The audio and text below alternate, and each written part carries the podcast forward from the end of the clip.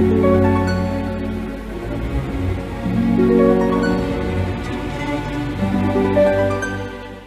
Virgo, saya Madam Aza. Kita bacakan sekarang kartu tarotnya. Yang pertama adalah untuk karirnya Virgo. Kartu yang keluar adalah The Magician. Ketika kartu The Magician keluar, ini menunjukkan seorang pesulap ya. Kartu pesulap ini menunjukkan hal-hal yang bagus, hal-hal yang baik bisa terjadi, insya Allah gitu ya. Karena seorang pesulap menunjukkan seseorang yang punya kemampuan mengadakan yang tidak ada, hanya dari ide bisa jadi pertunjukan yang luar biasa yang bikin penontonnya terkagum-kagum gitu ya. Hal yang sulit jadi mudah, hal yang impossible jadi possible. Karena itu kalau ada sesuatu yang ingin kamu realisasikan ataupun kamu upayakan, silahkan. Lalu untuk percintaannya Virgo, kartu yang keluar adalah Judgment. Ketika kartu Judgment keluar, ini menunjukkan segala energi panas yang berkumpul. Tandanya konflik menghadapi konflik ataupun hal-hal yang tidak sesuai dengan keinginan gitu.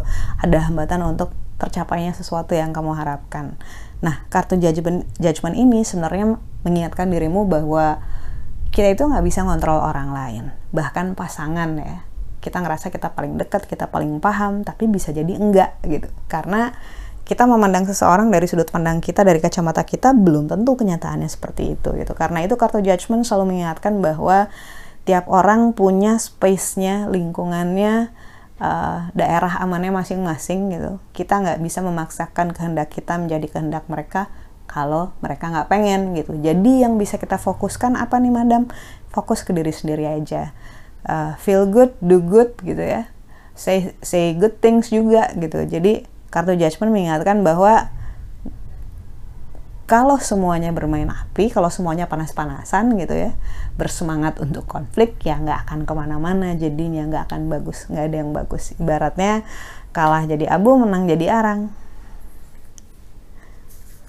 Lalu kartu nasihat yang diberikan untuk Virgo, kartu yang keluar adalah The Star. Kartu The Star itu menunjukkan benih ya kalau menurut saya. Ini digambarkan orang yang sedang berkaca di danau lalu melihat ke arah bintang. Tandanya ada harapan, ada kesempatan karena kartu bintang representasi dari hope, harapan ataupun kesempatan.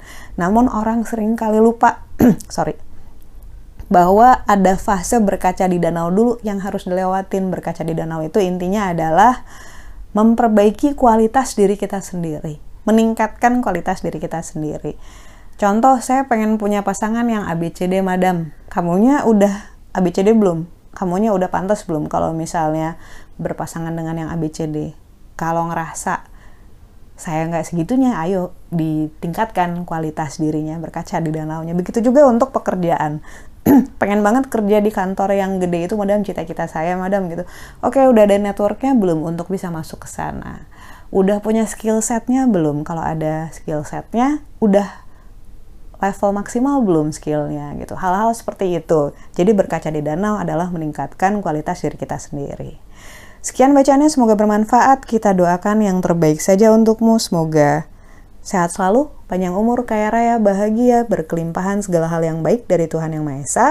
Terima kasih bantu saya di klik like-nya, subscribe, share, dan juga komen.